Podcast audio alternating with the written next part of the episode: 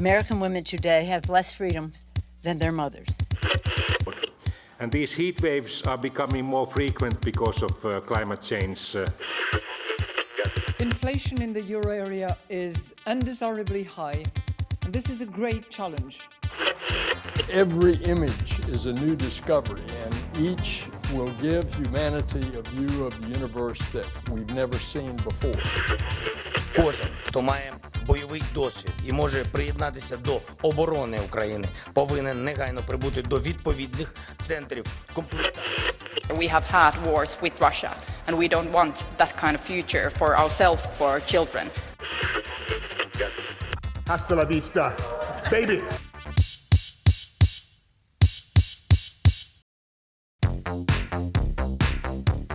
Þú ert að hlusta á heimskviður, þáttinum það sem gerist ekki á Íslandi, ég heiti Birta Bjöstóttir. Barnignir og skuldir eru umfjöldunar efni dagsins. Hvert mannsbarn skuldar heila miljón Hvert mannsbarn skuldar heila miljón Af krónköllum Umfjöldunar efni tvöð tengjast þó ekki beint eins og í þessum textar ekki svínuna. Og þó barnignir og skuldir hljómi kannski eins og aðeins of mikill sótsvartur kvestasleiki margra, þá verður þetta áhugavert, ég lofa. Í síðan luta þáttanins að Hallgrímur Indriða svona velta fyrir sér minkandi fæðingatíðni á heimsvísu. Af hverju fleiri en hundra þjóðir heims eignast ekki nógu mörg börn sem OECD telur að þurfi til að viðhalda mannkynnu. Meira um það á eftir en fyrst skuldirnar eða skulda þakið. Ottur, það er verið að reyna að ná saman um hækkun þessi bandaríkjunum, hvað þýðir það eiginlega? Sko, ég kalla þetta eiginlega samkvæmisleika því að sko, bandarísk stjórnmál ganga oft út á bara sjónvarp og, og sjónaspil og, og, og aðtikli sem að stjórnmálamann er að reyna að sækja sér. Og þetta er svolítið þannig, það er þarna verið að, að reyna að ná saman millir flokka um hækkun skuldaþaksins sem er svona órætt og pínu abstrakt fyrirbæri en uh, það er verið að ná saman um, um, um þetta og hækkun skuldaþaksins. Að því ef ekki að þá dinja vist yfir algjörlega ömurlegar efnaðarslegar hörmungar. Einmitt, þú segir samkvæmisleikur, en er ekki eins og þú segir efnaðarslegar hörmungar yfirvóðandi? Jú, í raun og veru, en málið er það að það mun aldrei koma til þeirra, af því að þetta er samkvæmisleikur sem endar alltaf með því að skuldaþakkið er hækkað.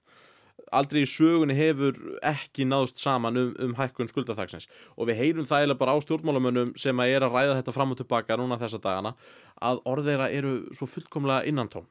Joe Biden, hann segir bara að, að hérna, það sé verið að reyna að ná saman, það sé verið að ræða saman menn sé á laungum fundum, dag og nótt, þetta eru erfiðar viðræður, segir hann og þetta er svona tótnin sem, a, sem að er eiginlega í gangi núna. And our staffs continue to meet as we speak, as a matter of fact, and they're making progress. I've made clear time and again defaulting on our national debt is not an option. The American people deserve to know. Og, og síðan, sko, Kevin McCarthy, republikani og, og fórseti fulltrúdeildarana sem svona fyr, fyrir þeim flokki í þessum viðræðum verandi leiðtói þingsins, að hann eiginlega talar á sömu nótum, erfiðar viðræður, verið að semja. We, we've been talking to the White House all day, we're going back and forth, and um, it's not easy. We want to make sure this is an agreement worthy of the American people, and uh, so it takes a while to make it happen, and we're working hard to make it happen. Og, og ef einhver ætlar að fara að taka saman sko, innan tóm orð stjórnmálamanna til að setja saman í einhverja reytkeri stjórnmálfræði eitthvað, þá er þetta rétti staðurinn til að leita og þetta er algjör fjársóskista þegar það kemur að því. Sko. Þannig að þú heldur að hættan sé liðin hjá, það náist að hækka skuldaþakkið og það sé ekkert slemt yfirvóðandi eða hvað? Já, í rauninni, það er, sko, þingið gefur sér frest til í rauninni 1. júni, eða þess að Janet Yellen, fjármólaráður bandaríkjan, segir að 1. júni að þá fari allt fjandast til ef það næst ekki saman. Þannig að menn hafa þangað til þá til þess að, til þess að ræða saman og uh, atbörðarásinn er samt enga síður áhugaverð, ég menna af hverju af hverju verið að draga þetta svona? Af hverju, af hverju þurfa menn svona mikinn tíma til að ræða þetta, þetta er mjög skrítið af því að menn hafa vitað þetta í langan tíma. Kevin McCarthy hefur verið að segja mjög lengi að demokrater þeir hafa geta hækka skuldathækið, jáfnvel áður en að republikanar náðu völdum yfir fulltróðdeildinni sem að gerist núna í, í,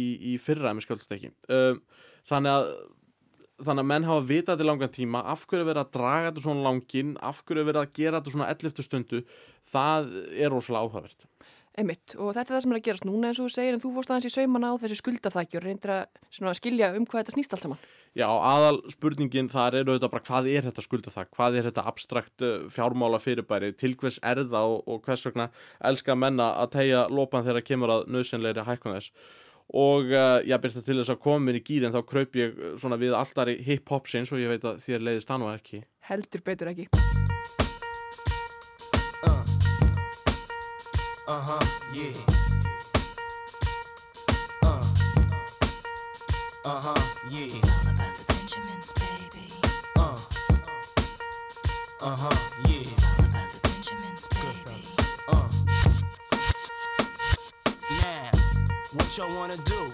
Wanna be ballers, shot callers, brawlers, who be dipping in the bins with the spoilers? Bandaríkjaman þreytast ekki á að segja það. Hagkerfi landsins er það stærsta í heimi. Hagkerfi bandaríkjana tekur til fjórðungs af öllu alþjóða hagkerfinu. Dollarin er sá gjaldmiðil heimsins sem mest viðskipti eru með og það er meira af dollurum en öðrum gjaldmiðlum í hyrslum sæðlabanka þessa heims.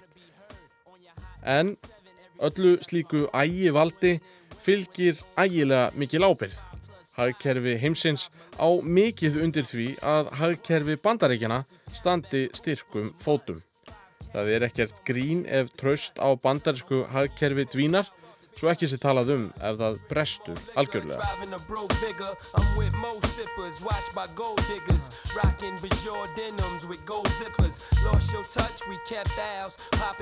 Það að tröst á dollaranum og bandarískum efnahag bresti í einu vetfangi er yfirleitt nær óhugsandi. En reglulega kemur það fyrir að menn verði óstyrkir, einmitt, þegar það gengur illa að hækka skuldaþækið.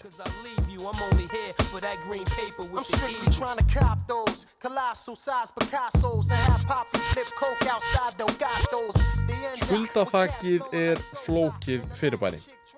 Nafn þess er þó nokkuð einfalt. Skuldaþækið er þak á hver mikið ríkisjóður má skuldsetja sig. Rétt eins og á Íslandi verður bandaríska þingið að samþykja fjárlög á hverju ári. Þar kemur fram hver miklum peningum á að verja í helbriðiskerfið, hver miklum peningum í varnirlandsins og utaríkismál, skóla, fræðasetur, þjóðgarða og hvaðina. Í bandaríkjanum tekur þingið sín samþyktu fjárlög og felur forsetanum að framkvama það sem í þeim stendur. Það gerir fórsetin jafnan saminsku samlega og notar til þess skattfi sem þingið ákvað hvernig skildi sapnað. Það sem er skrítið við þetta er að þingið segir fórsetanum að eigða x mikillu upphæð á ári sem alltaf er herri en það sem sapnast með sköttum. Þetta er eins og mamma þín segði hérna lánaðu litlabróðu þínum 10.000 kall en rétti þér síðan aðeins 5.000 krónar seðil. Uh-huh, yeah.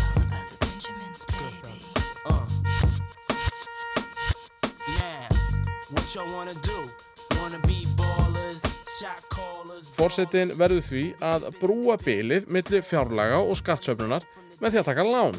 Skulda þakkið takmarkar hversu mikið ríkisjóður sem lítur völdum fórsetans má taka að láni. Núna er Joe Biden komin að skuldaþækinu, eða svo gott sem, og því verður að hækka það til þess að hann geti tekið meiri lán.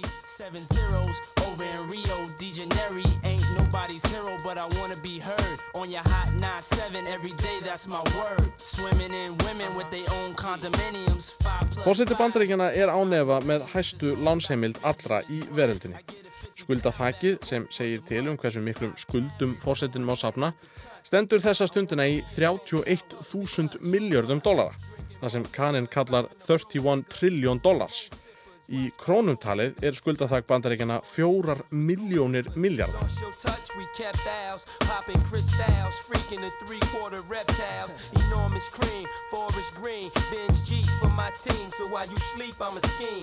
Það er einfalt að segja að ríkisjóður bandaríkjana taki lán, að bandaríkja fórseti taki lán en það er erfiðar að skilja hvað þá er átt við.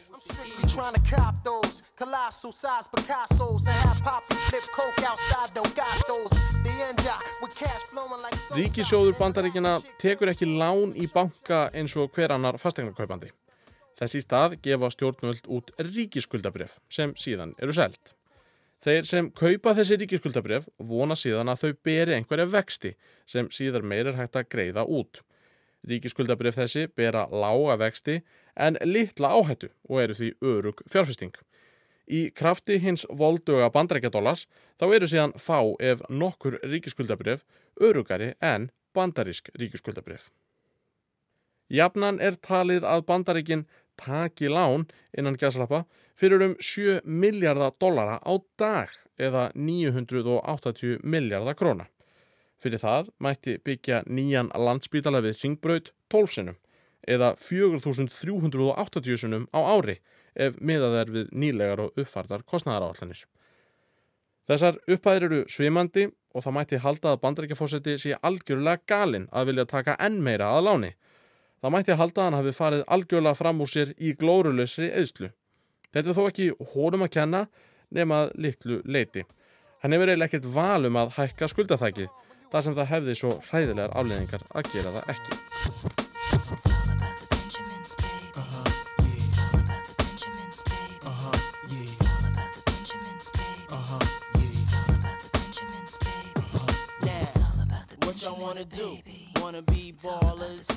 Skuldathækið er gamalt, en það var þó ekki alltaf við líði. Einu sinni þurfti bandaríkjafósiti að fá samþyggi þingsins í hvert sinn sem hann tók lán. En þegar bandaríkin flæktust inn í fyrir heimstyrjöldina skapaðist þörf fyrir að sapna skuldum hraðar og án aðkomu þingsins sem var þá öllu svifasætna enn í dag á gerfinnata öld. Skuldasöfnunin var þó ekki takmarka laus. Á hana var sett þak, skulda þak. Fyrstu árin eftir að skuldaþakkinu var komið á var hækkana sjaldan krafist. Stundum nálguðust stjórnvöld skuldaþakkið en það tíðgæðist frekar að hæja bara á eðslu ríkisjóðs í stað þess að hækka þakkið. Half a million people throng the streets of Seoul, capital of South Korea, in the hope of catching a glimpse of General Dwight Eisenhower. Rumors indicate that the president-elect will be making a world... Árið 1953, þegar bandaríkinn höfðu barist í Kóreustríðinu í um þrjú ár, þá var hækkunar skuldaþaksins hins vegar krafist. Stríðsregstur er þetta dýr eins og ríki heimshöðu komið staði í bæði ferri og setni heimstyröldinni. Öldungadeild bandarækjaþings samþykti þó ekki hækkununa. Dwight D. Eisenhower, þáverandi fósetti, brá á það ráð að selja gull í eigu ríkisins til þess að brúa bil milli skattsöfnunar og útgjalda. The acquisition of unwarranted influence, whether sought or unsought, by the military-industrial complex. Lock your windows, close your doors, give you snores. Huh, yeah. Ég hef hér margóft líst því að efnaðarslegar hörmungar dinji yfir bandaríkin og heiminn allan ef svo ólíklega færi að skuldaþækið yrði ekki hækkað í tæka tíð. En hvers konar hörmungar eru þetta einlega? Já, einhverjir greinendur segja að alþjóða fjármálakrísan árið 2008 sem við Íslendingar munum svo vel stæðist tæplega samanbúr.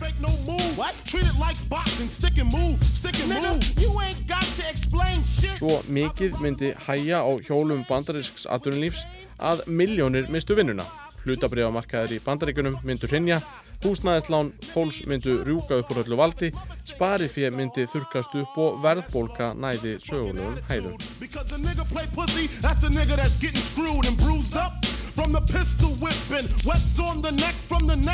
Eru þá ótaldir þeir orðspórs hnekkir sem bandarískur efnahagur og bandaríkja dólar byðu. Eins og áðan sæði, traust til bandaríska hagkerfisins og bandaríkja dollars er mikið en á sama tíma viðkvæmt og því er ekkert grín að stopna því traust í hættu.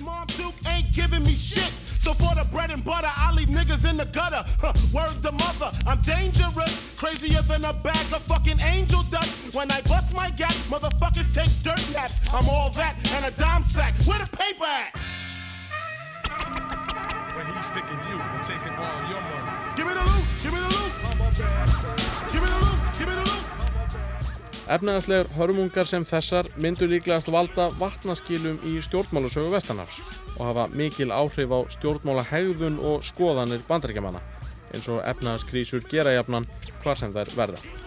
Svo ákvörðun að hækka ekki skuldathag ríkisjós og fljóta þannig sofandi að efnaðarslegum feyðarósi myndi hafa ófyrir séðar pólitískar afleiðingar.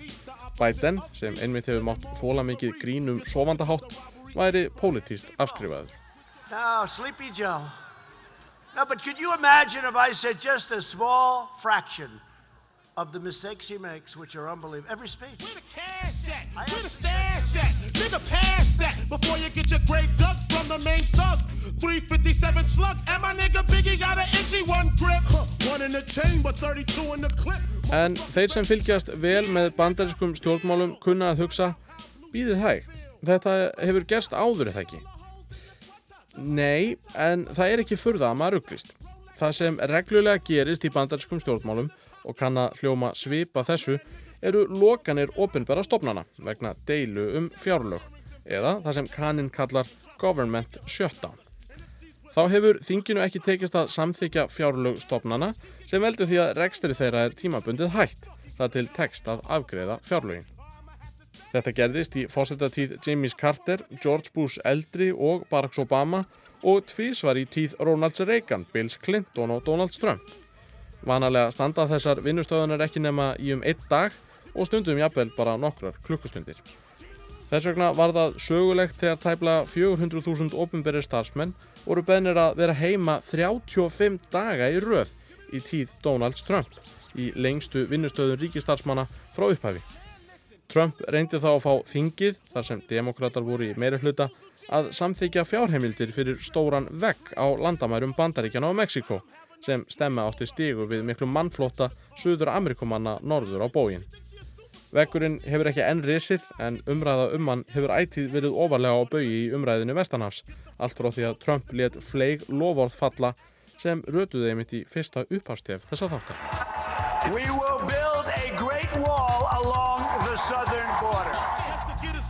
Cooking. I just came home, ain't trying to see central booking. Oh shit, now he looking in my face. You better haul ass, cause I ain't with no fucking chase. So lace up your Það er áhugavert að rifja upp að þegar síðast kom til vinnustöðunar ofnbæra starfsmanna í bandaríkanum Government Shutdown í tíð Donald Trump þá náði hún meðal annars til kokka kvítahósins.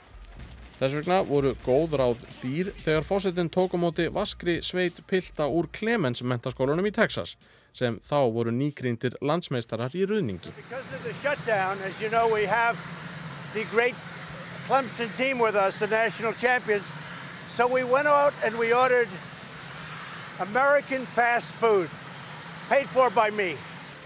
We have pizzas, we have 300 hamburgers, many, many french fries. Trump let panta skyndibita, amerískan auðvitað, fyrir tugi soltina íþróttagarpa sem hann borgaði fyrir úr eigin vasa. Uh, sure right. So out. Fréttamindir sem kostulegt er að fletta upp í dag sína Trump standa, sigri hrósandi, fyrir framann starðarinnar borstofuborði í kvítahúsinu, hlaðið hamborgurum, frömskum kartöblum, pizzakossum og salatskálum. Breiðleitir runningskapparnir brostu sömu leiðis sínu breiðasta þegar fósettin sæðilóksins gjörið svo vel.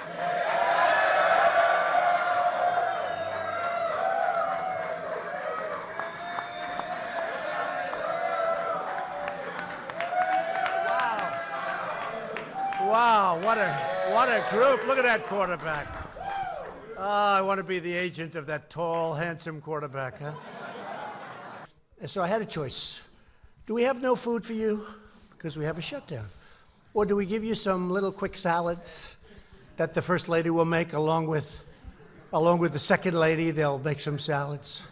And I said, You guys aren't into salads. Or do I go out, Lindsey Graham and Tim Scott? Do I go out and send out for about 1,000 hamburgers, Big Macs? So we actually did. We bought 1,000 Burger King, all America companies Burger King, Wendy's, and McDonald's.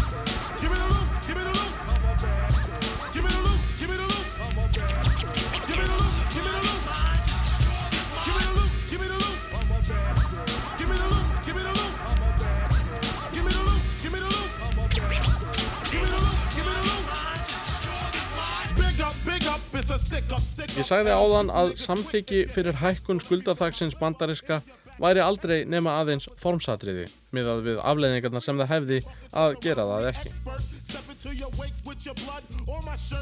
En hvers vegna er þá allt þetta hafari? Allir þessir fundir, öll þessi spenna yfir því hvort samkómulag náist eða ekki? Jú, flestir stjórnmálamenn vita fátt betra en þegar aðtiklinn beinist að þeim. En betra er síðan þegar þeir fá að vera hetjan sem bjargaði öllu á 11. stundu. Þess vegna hefur það færst í aukana síðust ár að skuldaþakið sé einmitt hækkað á 11. stundu og þá vegna þess að dramatíst samkómulag fórsetta á þingsins náðist eftir marathónfundi í Washington. Þessi leikþáttur gengur út á að þingið fá að sínast vera að koma böndum á gengdarlaust eðslufillir í fósettans. Það vekur traust með þeim sem stýra þinginu og lítilækkar fósettan sem á fullt í fangi með að uppfylla lofvort sem þingið meitlaði í stein með fjárlögum sínum. How much a dollar really costs? The question is detrimental, paralyzed in my thoughts. Parasites in my stomach keep me with a gut feeling, y'all. Gotta see how I'm chilling once I park this luxury car. Hopping out feeling big as Mutombo. 20 on pump 6, Tony Marcellus called me Dumbo. 20 years ago, can't forget. Now I can lend him my ear or two. Enska orðið brinkmanship er gerðnan notað um það þegar stjórnmálamenn tefla á tæpasta vaðum skuldathækið Vestanhafs. Það hugtak var til um miðja síðustu öld þegar Sovjetríkin og Bandaríkin áttu í köldu stríði og hótuðu að beita kjarnorkuvapnum. Samlíking sem sagt af dýrari gerðinni, svona miðað við hver ómerkileg niðurstaðan er jafnan í þrálátri og sí endurtekinni skuldathagskrísunni.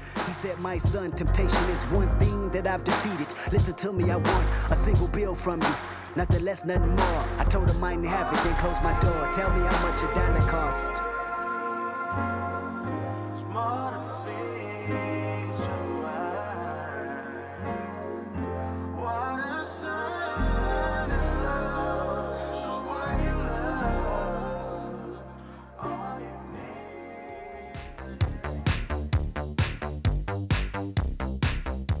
Skuldum yfir í barnegnir eða skort á þeim.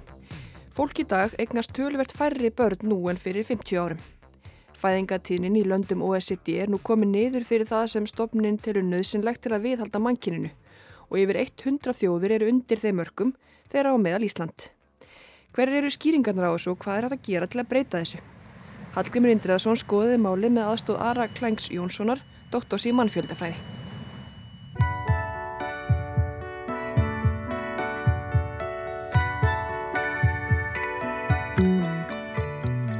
Fæðingar á Íslandi hafa aldrei verið færri með að við mannfjölda en í fyrra. Frjósemi og æfi hverjar konu hefur aldrei mælst minni frá því mælingar hófust á þar síðustu öld.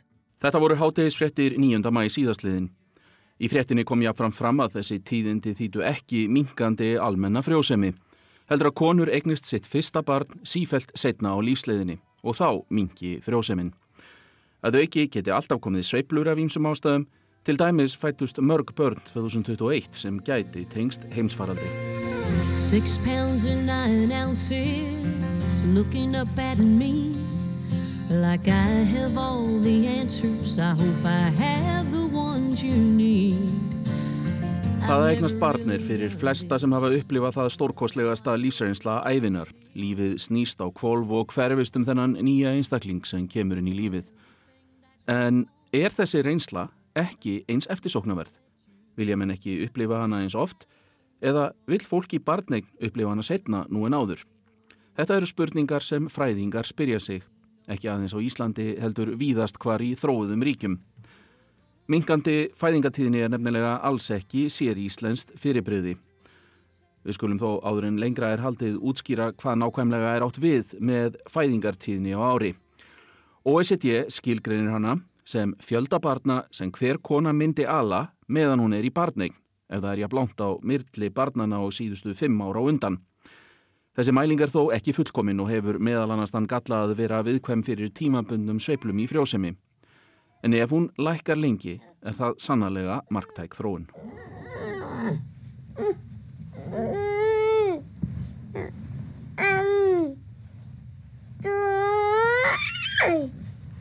Talið er að þessi tala, fæðingartíðnin, þurfi að vera 2,1 miða við óbreyta dánartíðni og að álíka margir flytjist til og frá viðkomandi landi.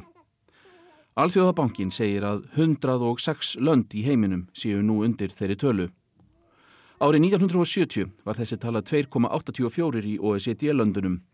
Við síðustu mælingu frá 2020 var hún 1,59 í þessum löndum sem vil svo til að er sama talan og Hagstofan mældi fyrir Ísland á síðasta ári.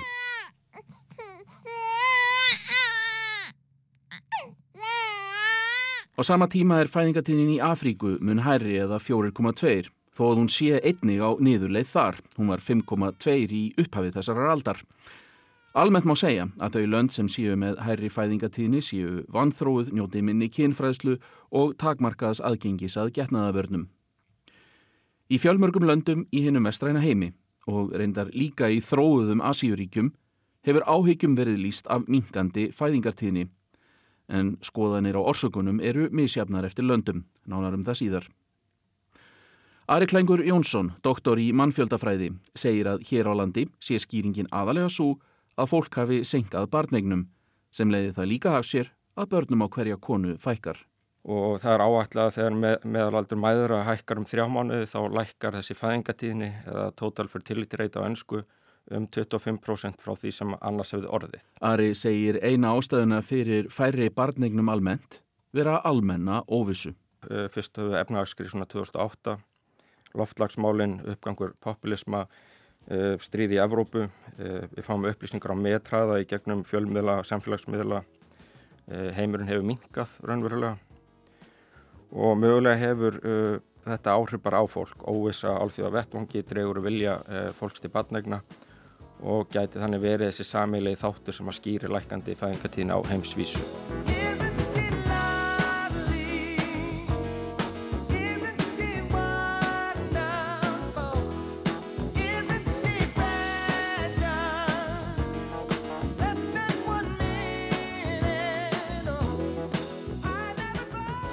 Og þetta tengist þá því sko líka að fólk er, er hérna kannski síður tilbúið að skuldbinda sig til framtíðar sem að vissulega eru, skuldbinding til framtíðar e, á tímum óvissu e, og þá sem sagt er, er fólk líklega til að fresta barnegnum til að koma sér fyrir e, bara í lífinu, vinnumarkaði, vanandi húsnaðu annað áður en það hérna, skuldbindi sig vanandi barnegnir. Ari segir það líka skipta máli að yngra fólk sé skipulaðara Það vil koma sér fyrir í starfi áður en hugaðir að barningnum. En svo geta ástæðunar verið misjafnar eftir löndum og hér verða nokkur dæmiði nefnd. Byrjum á Kína sem var í 35 ár með þá stefnu að hvert par mætti aðeins eiga eitt barn til að stemma stigu við ofjölgun.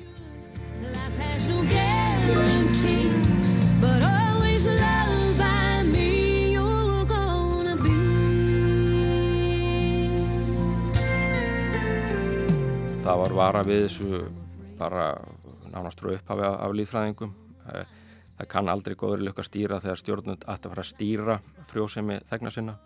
Við hefum með þetta dæmi frá Kína sem að þau setja á það voru nú einhverju svona undan þáur en, en one child policy að fólk mætti bara eignast eitt bann það var sett 79 og við sér það tók hérna 45 ára árangerast að þá allt í hennu fór kynverðum að fækka og þetta er, og þau byrjuði held ég vinnu 2015 eitthvað svoleiðis við að reyna að snúa þessari þróum við að auka við frjósemi uh, og, og það sem sagt, en þetta tekur óslega langa tíma, allar svona líðfæra breytingar þar gerast svo hægt en þetta er eins og olíuskip. Tökum næst dæmið sem er kannski mest sláandi, Suður Kórea. Fæðingatínin þar er svo lægsta í heiminum, 0,78. Meðalaldur móður sem eignast fyrsta barn er þar komin upp í 33 ár. Þar hafa hagfræðingar spáð að ef svo þróun heldur áfram mingi verk landsframleðsla landsins um 28% til ársins 2050 vegna þess að vinnandi fólki fækkar. Þar hafa döðsföll verið fleiri en fæðingar undan farin þrjú ár. Saminuðu þjóðunar segja að íbúum fækki úr tæpum 52 miljónum í tæpar 46 miljónir í landinu fram á miðja öldina eða um 12% ef svona heldur áfram. Ari segir að ástæðuna fyrir þessu geti verið aðrar en til dæmis á Norðurlöndunum. Upphafið eh, sko nær mun lengra aftur heldur en eh, til dæmis bara efnaðarsurinu 2008. Eh, hluti ástæðunni vantalega þar fyrir þessar rosalega lágu fæðingatíni er eh, kynja ójabretti. Eh, Konu fara á vinnumarkaðin þarf þurfa að velja mellir þess að eignast börn eða vera útvinnandi þetta er svolítið upphafið þar og Suðu Kórea hefur til dæmis verið hérna, með starfsfólk við Stokkonsháskóla við að kynna sér hérna, stefnunni Svíþjóð hvernig hægt er að, að auka við e, fæðingatíðinni og frjósemi. Og það hefur greinlega ekki skilja árangur ennþá. Þannig að, að hérna, ástæðuna þar eða orsakarnir eru svolítið öðruvísi aðrar heldur en til dæmis á Íslandi eða Norðurlundunum og þessi þróun kemur þess vegna mjög mikið óvart á Norðurlöndunum af því þessar þjóður eins og Suðu Kórea, Ítalija, Spátn eh, hafa hortið Norðurlandana sem, sagt, sem svona fyrirmyndaríkis það er ríkja. En, en svo er þessi þróun líka á Norðurlöndunum og það setur allt svolítið uppnám hvað er að gerast? Nánar að þeim. Dessær tog katter på et bord Krydde vi det vitt bom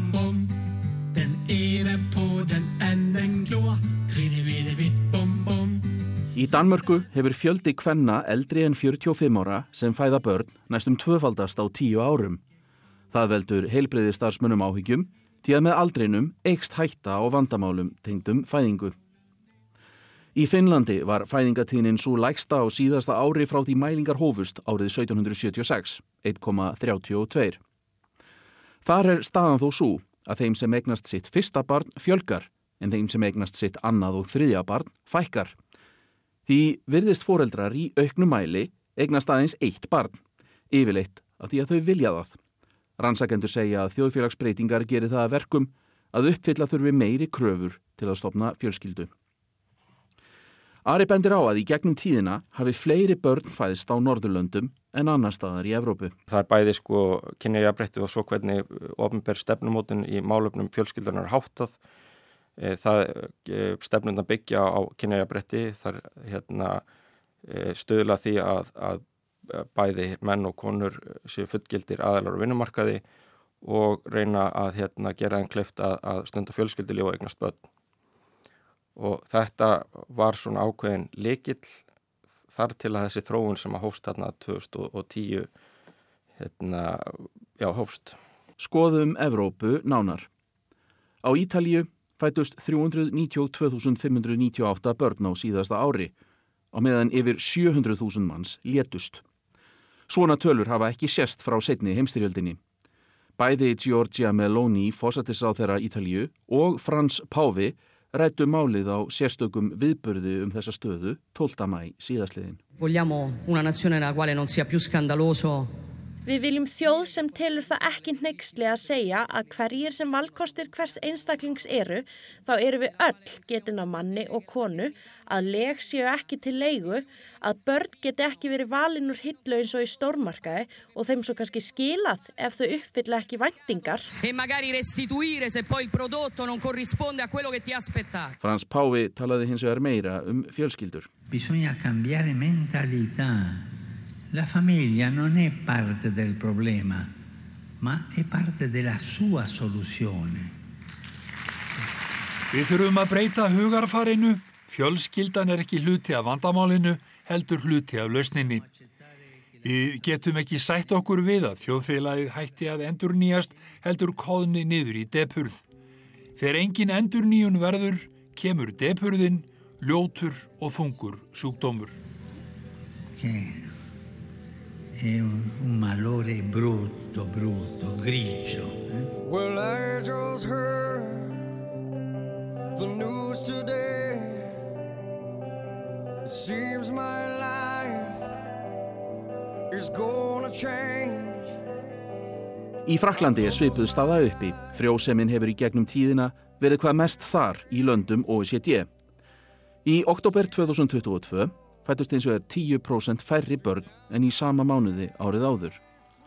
Og hluta ástæðunar má kannski heyra hjá tveimur ónefndum konum. Euh, Ég veldi fyrir mér hvernig veröld við skiljum eftir fyrir þau og hugsa þá með tilliti til loslasbreytinga eða þess virði að eignast börn. Coup, euh, naître... Euh, finnst það sjálfselska að fæða barn í heim sem þegar stefnir í glötun. Já, ég veit að það er mikil svart síni í þessu. Förum svo til bandaríkjana. Í 35-50 ríkjum þeirra er fæðingatíðnin lægri nú en fyrir 5 árum, sem skýrist meðal annars af því að fólk flýr hækkandi húsnæðisverð. Í sömum ríkjum geti til dæmis þurft að segja upp starfsfólki í grunnskólum vegna fækkunar barna. Endur svo þessa yfirferð í Japan. Þar fætust 800.000 börn á síðasta ári og hafa aldrei verið færi. Næstum tvöfalt fleiri japanar dóu á sama tíma. Masachika Oku, borgastjórin í Nagi, segir þetta geta haft afleðingar. E, Ef íbúum Japan fækkar áfram svona rætt getum við ekki haldið sjúkrahúsum og stórmörkuðum opnum lengur. Jável almenningssamgöngur sem treysta mjög á skattfjö geta ekki gengið lengur. Ástæðan fyrir því að rættar við hann um málið er að bærin hefur gripið til ráðstafana til að fjölga fæðingum. Til dæmis eru ellilíferistegar fengnir til að gæta barna í sérstökum foreldramiðstöðum og í raun tekur allt samfélagið þátt í að ala börn í þessu 6.000 manna þorpi. Þar er fæðingatíðnin tvöfalt hærri en annar staðar í Japan. Hér er kannski komin hluti af lausn vandans. En hver telur Ari Klængur Jónsson að sé lausnin? Já, það er vissulega stort spurt. Ef þú spurt mér fyrir tíu árum, eða bara fimm árum, þá hefði ég hérna, haft þessi svör bara reyðum höndum og, og hérna, bara tryggja jafnbretti kynja og bera stefnumótun sem að stiði kynja jafnbretti, barnegnir, aðtunni þóttöku, veiti barnafjölskyldum, það stuðning sem það þurfa. Og þar sem við veitum ekki almennilega hvaða er sem að keira þess að þróun áfram þá uh, er svolítið erfitt að koma með eitthvað sko eitt ákveði svar. En ég er sendt á því að, að svona stuðningu við barnafjölskyldur skiptir en þá mjög miklu máli. Uh, stuðningu dregur meðlans úr óvissu.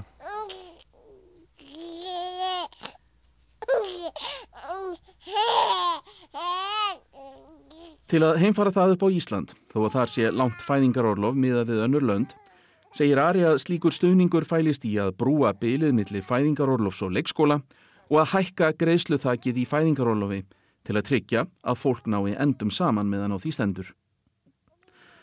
Ari segir það geta haft mikil áhrif ef þessari þróun verður ekki snúið við, en það sé ennhægt að grípa til aðgerða. Fæðingatíni þarf að haldast lág í, í langan tíma og það, svo sem er, svo þróun er alveg í gangi.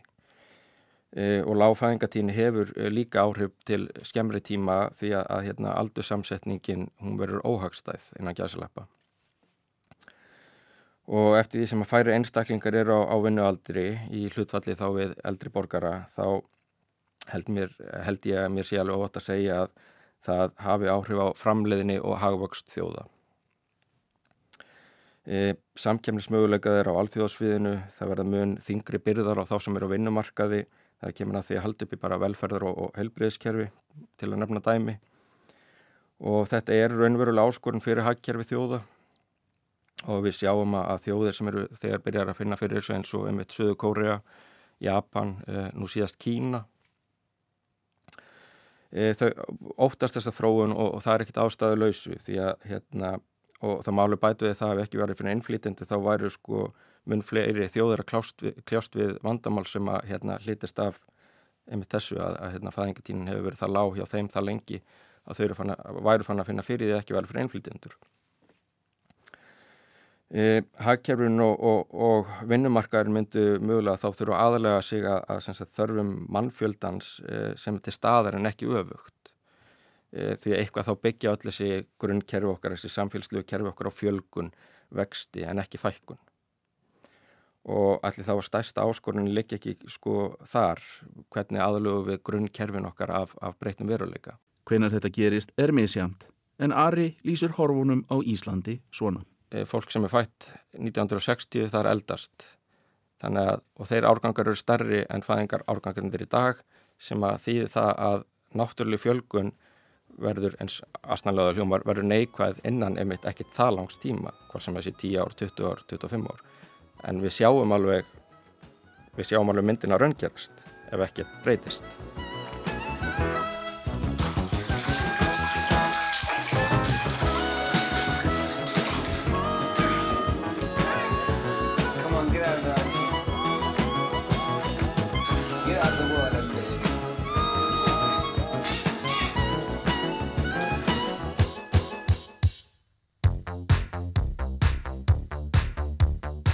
Þetta verða loka orðin í heimskuðum þessa vikuna. Við verðum hér aftur á sama tíma í næstu viku og það verður þá loka þátturinn fyrir sumafrí. Takk fyrir að hlusta.